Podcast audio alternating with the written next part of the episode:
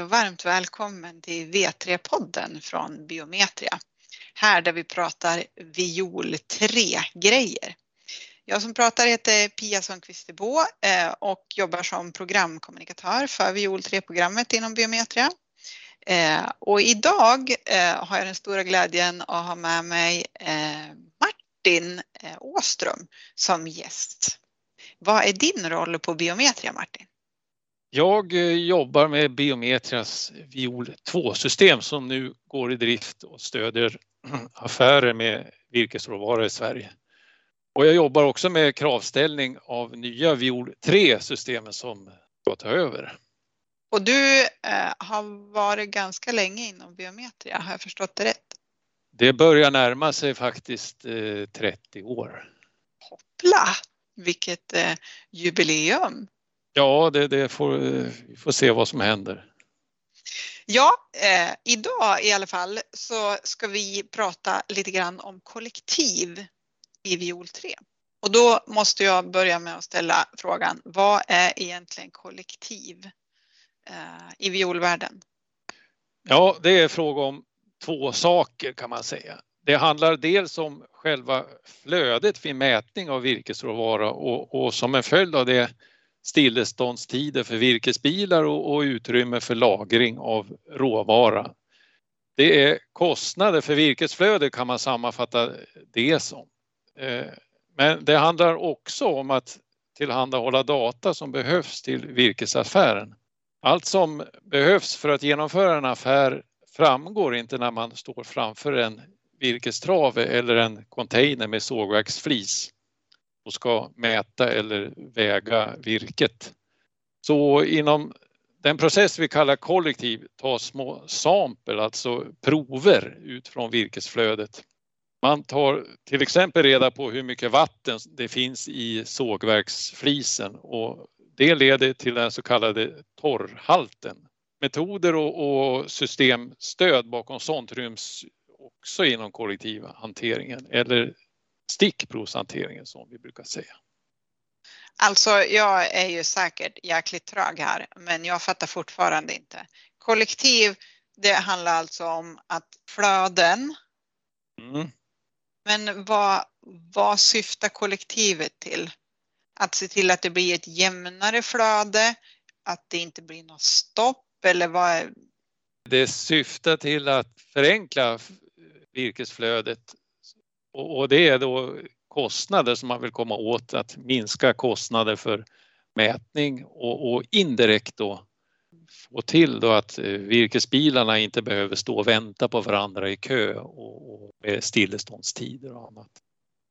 Och sen är det, där det också... var en förklaring som jag begrep med på. Mm. Okay. Ja. Mm. Eh, varför har kollektiv kommit till då? Ja, då får vi gå tillbaka i, i världshistorien faktiskt till tiden efter andra världskriget till den dåvarande amerikanske utrikesministern. Han hette George C. Marshall.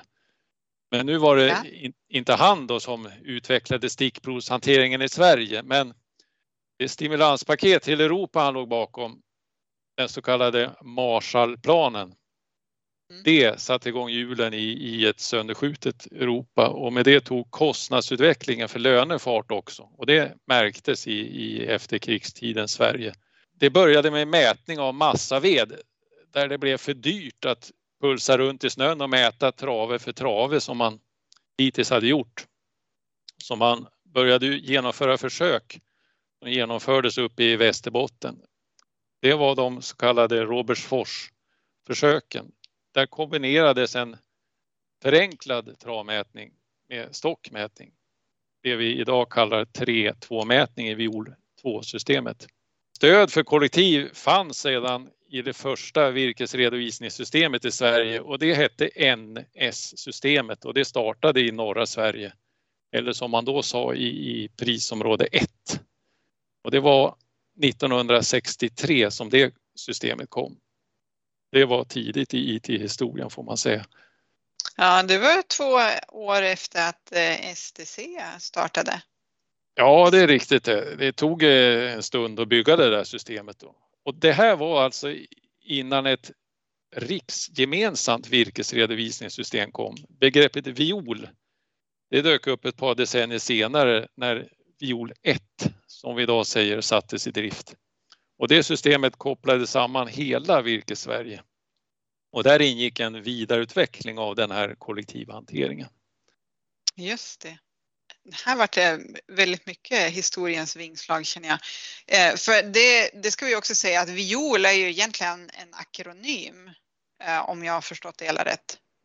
Att det står för virke online. Ja, det gör det ju. Det är riktigt. Och riktigt hur, hur jag ska utveckla det begreppet spontant, det vet jag inte. Här. Eh, Nej, du bara, det, det är nämligen så att viol, violbegreppet när det kom i början på 80-talet, virke online, det var ju en sanning med väldigt mycket modifikation då. Det är väl egentligen i samband med viol 2 som man kanske som skulle det blev våga, online. om det blev online då. När används kollektiv då? Kollektiv används mer eller mindre för nästan allt slags virke. Det har sin tyngdpunkt med en dragning norrut i landet där kollektiv inom timmerflödena förekommer i betydande omfattning. För cellulosaflisen används kollektiv genom hela landet och i vissa fall används kollektiv fortfarande för massaveden. Men där har vi på senare tid sett en, sett en dramatisk nedgång för den metoden och det är klassningsrutinen i prima och sekunda som den heter som har kommit istället. Kommer det några förändringar då eh, för kollektiv i och med viol 3? Under eh, viol 3-projektets gång har omvärlden kring mätning och virkesredovisning påtagligt förändrats och det påverkar kollektivhanteringen betydligt. Det såg vi nog inte vid viol 3-projektet startat så mycket skulle förändras och att det skulle hända så snabbt. Vi ser en utveckling av kamerateknik som används vid virkesmätning och den har minskat behovet av kollektivhantering påtagligt. Och den utvecklingen kommer att fortsätta även kring timmersortimentet som, som jag ser det. Och Viol 3 medför också förenklingar kring den del av kollektiv som blir kvar. Och det mest påtagliga exemplet där är att virkeskvantiteten bestäms slutgiltigt direkt vid mätning. Och den kan alltså inte räknas om senare i tiden med förändrade omräkningstal på det sätt som vi gör idag då i viol 2. Jag förstår. Om jag är kund då, finns det något jag behöver tänka på gällande kollektiv? Ja, något som en kund bör hålla reda på det är hanteringen av priser kring stickprovstockar. Det är viktigt att parterna i affären håller koll på det, just det. Det är alltså sågtimmerkollektiv det handlar om och där behövs verkligen då ett engagemang från kunderna så att virkesprislistor och annat verkligen speglar överenskommelsen bakom affären som köparen och säljaren då har, har träffat. Finns det något i övrigt då som du vill förmedla till lyssnarna om, om kollektiv i viol 3, Martin? Ja, det är väl det vi har varit inne på här. Håll ögon och öron öppna för det händer mycket nu kring eh, både mätning och, och, och datainsamling. Och då kan ju ett sätt vara att lyssna på V3-podden. Eh, jag vill tacka dig Martin så jättemycket för att du ville komma och vara gäst. Ja, tack så mycket. Det var roligt. Jättetrevligt. Eh, och till er som lyssnar där ute så vill jag bara säga stay tuned.